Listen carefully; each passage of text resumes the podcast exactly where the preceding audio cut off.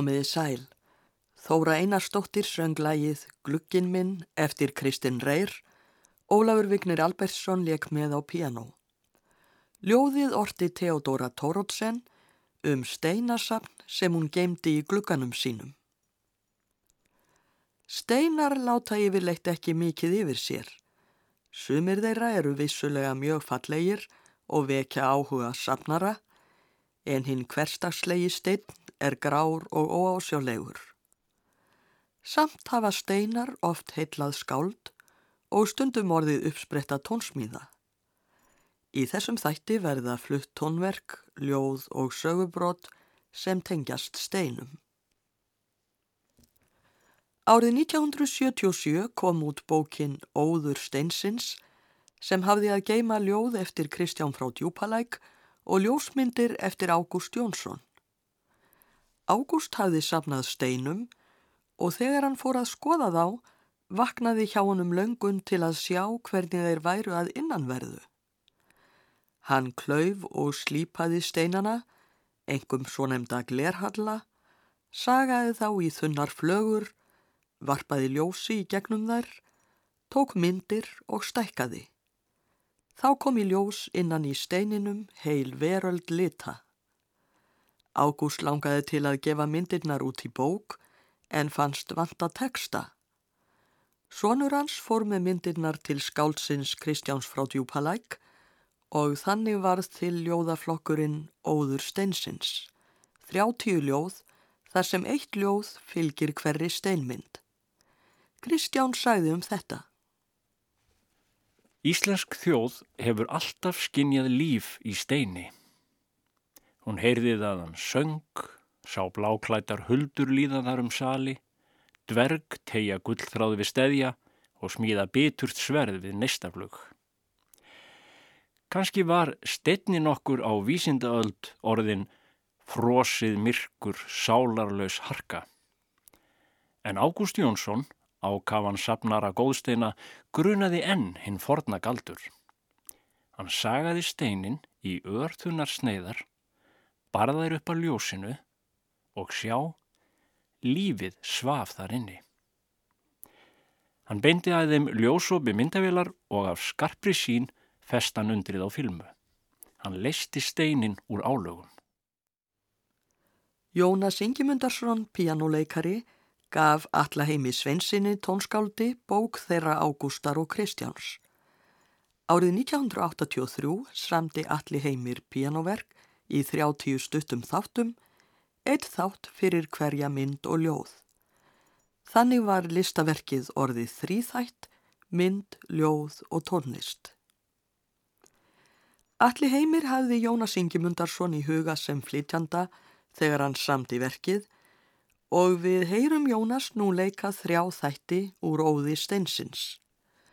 Á undan hverjum þætti verður ljóðið lesið auk þess sem ég reyni að lýsa lítilega myndinni sem fylgir. Við heyrum fyrst fymta þátt, kon anima.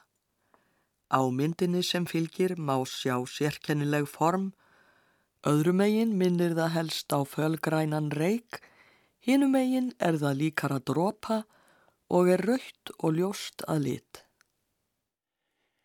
Steinin var okkur frosið myrkur, lífvana þungi sálarlaus harka. Hann hefur verið leistur úr álögum.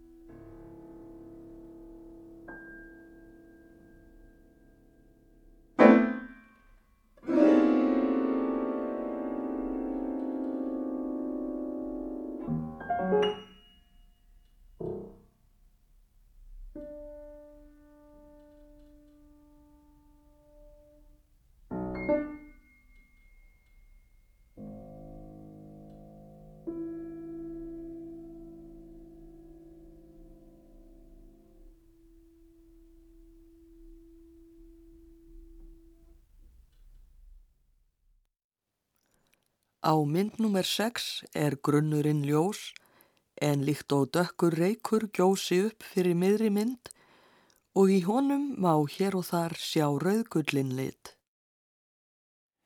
Hugfangin litum við augublómsins, stjörnunar og daggardrópans, spegla sólkerfi. Lostinn töfrasbrota reyndist steinnin eiga heið sama lindarmál.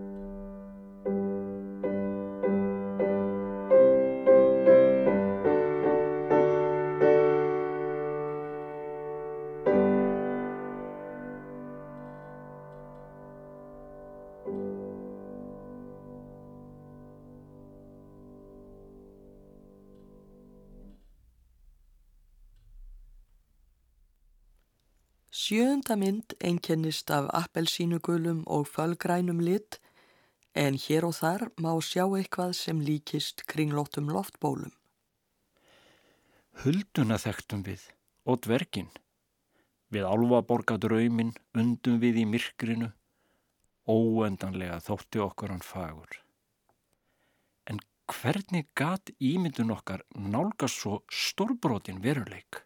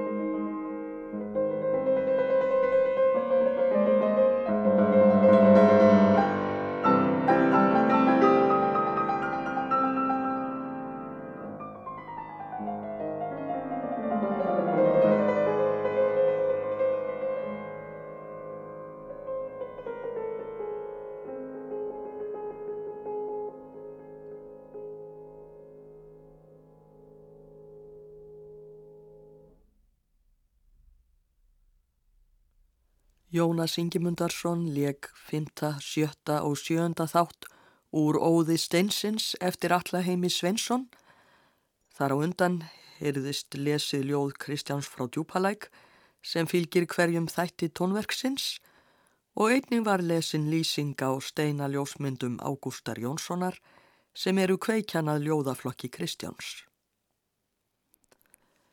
Árið 1993 kom út ljóðabókin Skilurðu steinhjartað eftir Önnu S. Björstóttur. Það er sérstakt við þessa bók að við hvert eintak er festur raunverulegur stein. Gat hefur verið borað í gegnum hann og hann þrættur upp á leðurreim sem heldur bókinni saman. Við skulum nú hlýða á stuttljóður bókinni. Ljóðið heitir Stef. Skilurðu brimhljóð hafsins? Skilurðu þögn steinsins? Skilurðu steinhjartað? Listamæðurinn Pál Guðmundsson á húsafelli hefur búið til steinhörpu með því að slípa líparítflísar, leggja þær á trésstokk og slá á þær með sleglum. Þannig má fá einn tón úr hverri steinflís. Við heyrum nú tónverk sem Pál samdi við ljóð Afasins, Páls Guðmundssonar frá Hjálmstöðum. Ljóðið heitir Heilsa þér Kjarval og er tilengað listamanninum Jóhannesi Kjarval eins og nafnið bendir til. Hér leikur Frank Arming á steinhörpu en Pál sjálfur leikur á rababaraflautu. Snorri Sigfús Birgisson útsetti verkið og það er Kammerkór Söðurland sem syngur undir stjórn Hilmars Arnar Agnarssonar.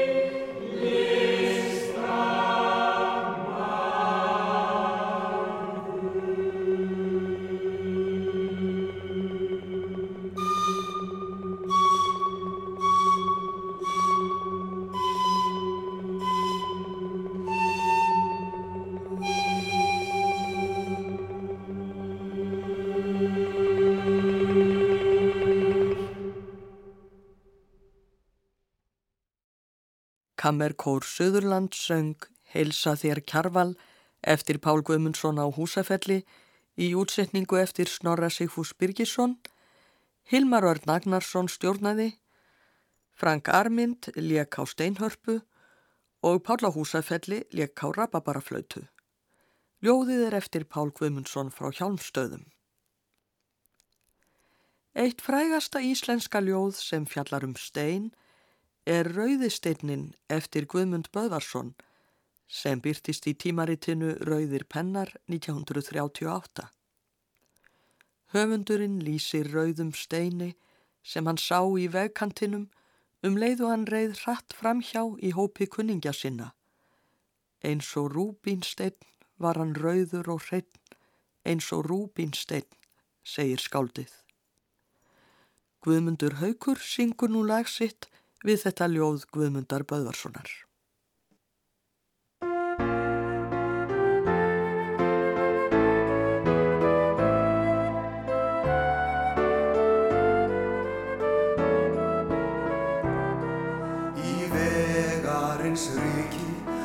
Rauður stein Við reyðum þar hjá eins og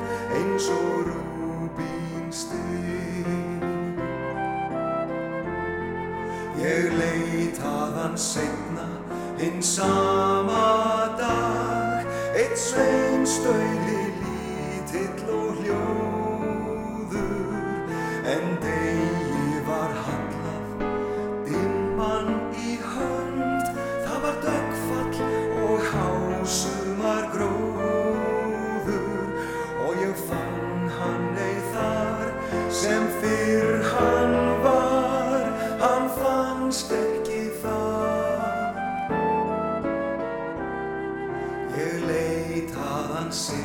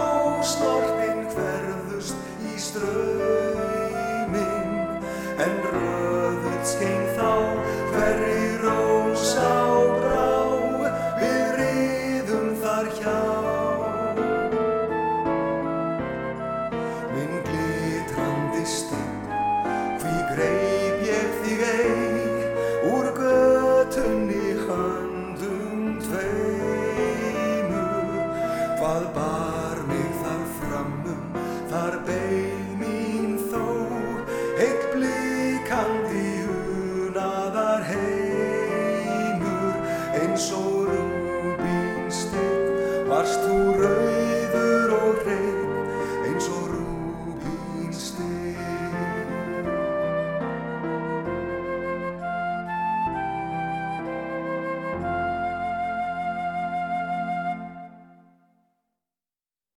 Guðmundur Haukur söng og lék lag sitt Rauði steinnin við ljóð Guðmundar Böðvarssonar.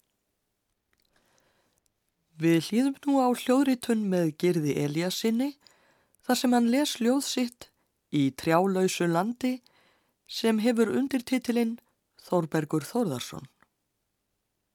Í trjálausu landi Þórbergur Þórðarsson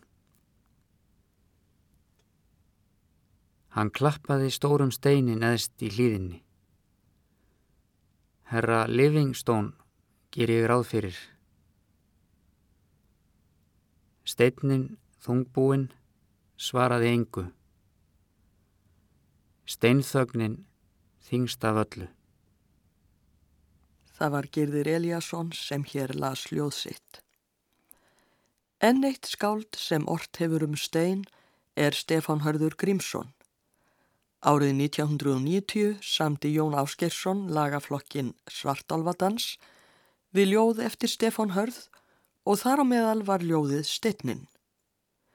Síðasta setning ljóðsins virðist samkvæmt nótunum eigað syngjast á nótunni G en tónskáldið gefur einnig þau fyrirmæli að hendinguna eigi að kvísla hægt og veikt.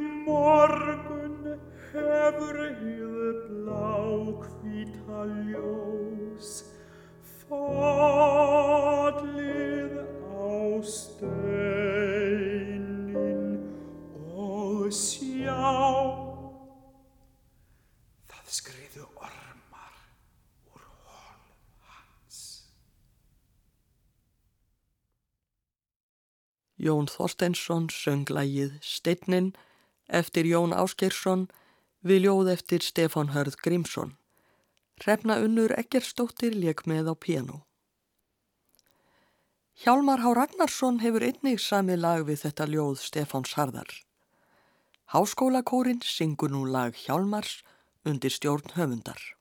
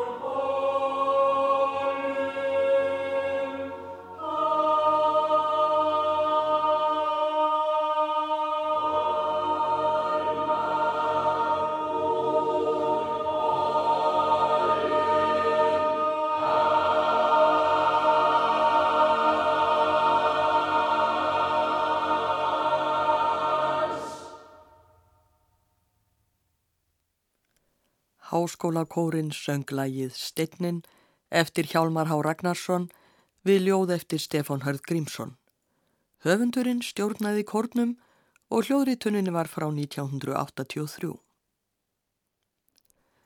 Árið 2007 kom út ljóðabókin Söngur steinasafnarans eftir sjón. Hér kemur titilljóðið. Söngur steinasafnarans Ég man þorstan og myrkrið. Ég man einstefnugötur. Ég man lokuð sund og þig.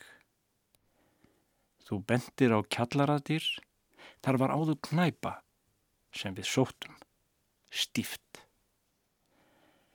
Hér er það, sagðir þú huggandi, steinasafnið þitt. Það er ekki tínt. Í hillunum bak við barborðið býður Silfurbergið, grjótið mitt, allt. Brennisteinn, pýrit, ópall og jaspis, kæru vinir, engu ykkar hef ég glemt. En hátt uppi undir lofti hanga raptinubelgirnir, þungir af kvíða. Steinsmuga Þú ert ljóðið sem ég syng á hækju mér undir húsvegg þegar veturinn neytar að hýsa mig. Sagt er að myndtökvarinn Albert Torvaldsen hafi einhver tíma séð Barbara Blökk og sagt Hvílikur engil sem ég geti skapað úr þessum steini. Hann fekk marmaran og bjóð til högmynd af engli. Vera má að það sé þessi saga sem Davíð Stefánsson hafði í huga þegar hann orti ljóðið Steinin sem hér verður sungið.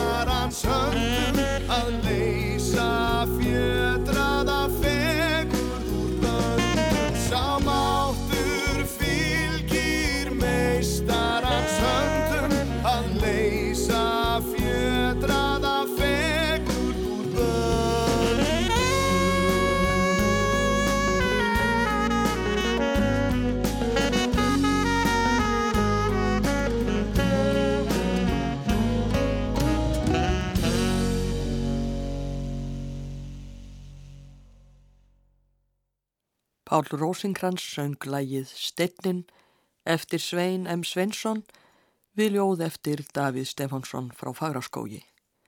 Bakrættir sungu Íris Guðmundsdóttir og Arna Lára Pétursdóttir. Sigurður Dagbjörnsson leik á gítar, Jóhann Hjörlefsson á trommur, Sigurður Flósasson á saxofón og Hilmar Sverrisson á piano.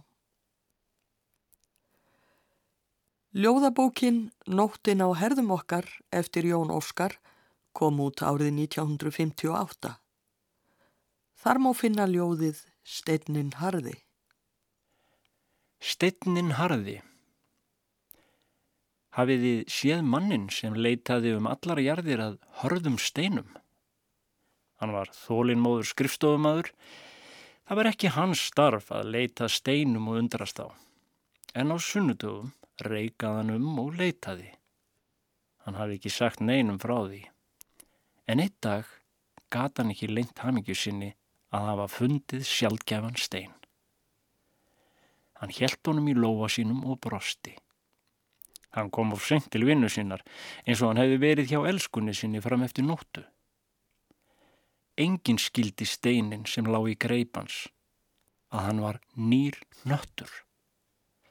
Engin skildi að hann hafi aldrei haldin einu mýkra í lóa sínum. Ó, hveðan brosti, steinin harði. Árið 1997 samti Karolína Eiríksdóttir söngvaflokkin Heimkinni við sjó við ljóður samnemndri ljóðabóka eftir Hannes Pétursson. Nokkrir af þessum söngum fjallaðum steina og Ingi Björg Guðjónsdóttir syngur nú tvo þeirra, Stakursteinn og Flatursteinn, en það eru lög nummer 5 og 7 í söngvafloknum. Pianoleikari er Tinna Þorstinsdóttir.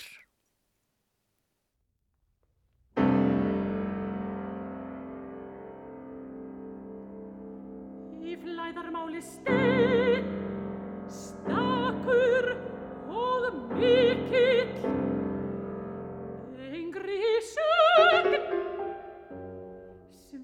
fyrir hlustir mér heimalegri sögnir honum sé bundin. Í flæðarmáli stein,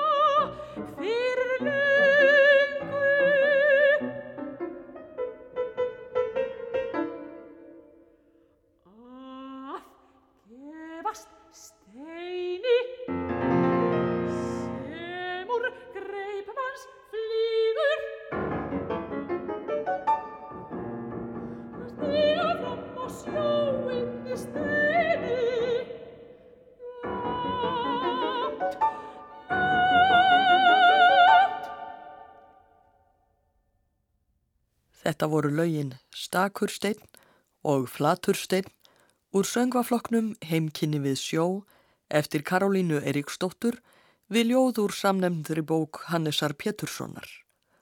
Ingi Björg Guðjónsdóttir söng og Tinna Þorsteinsdóttir lék á piano. Haraldur á Sigursson var á 20. öld vinsæl gamanleikari og einn helsti revíuhöfundur Íslands.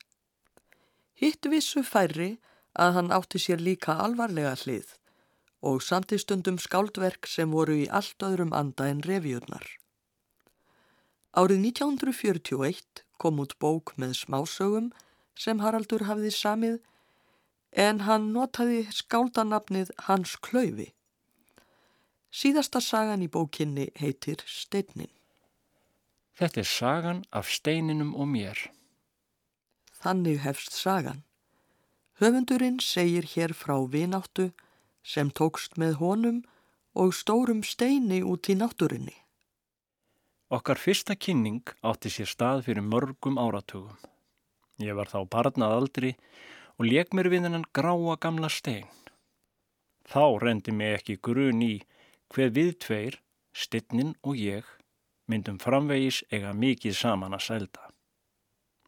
Þá leiti ég á hann sem dauðan kaldranarlegan klett og mig óræð ekki fyrir því að ég ætti eftir að komast á snóður um að hann væri getur mannlegum tilfinningum og ætti fjölda af raunarlegum endurminningum frá lönguliðnum öldum sem hann í einstæðingskap sínum rifjaði upp fyrir sér á mánabjörtum vetranóttum. Svo var það á tímabili að fundir okkar urðu strjálir. Þó að skam sér frá að segja kom það ekki all sjaldan fyrir að ég glemdi steininum. Stein glemdi tilverans. En svo var kynning okkar endurvakin og það á eftirminnilegan hátt. Því að það var í skjóli steinsins sem ég vaknaði til lífsins. Fann vor ángan ástarinn að leika um ánga mína og batt heit við fegustu stúlkuna í dalnum okkar. Það var steinin sem var vottur að hátíðlegum heitum okkar og þá sá ég að hann horfi á okkur, þögull og angurvær. Þá leiti hann öðrum augum og eftir þessa nótt fór mér að verða hlýtt til hans. Höfundurinn og stúlkan hans hittast oft við steinin og höfundinum finnst steinin brosa til sín um leið og hann fylgist með ást þeirra og hamingu. En svo verður breyting á.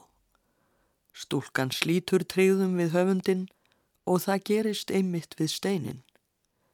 Höfundurinn þykist sjá greinilega að steininum vökni um augu og eftir þetta gerir hann steinin að trúnaðarvini sínum. Hann segir honum frá hamingju sinni og sorg og þá fyrir steinin að segja honum sína æfisögu. Hann var einu sinni tröll, náttröll og átti fegurstu tröllkonu landsfjórðungsins að ástvinnu. Á næturna hittust þau og áttu ástafundi.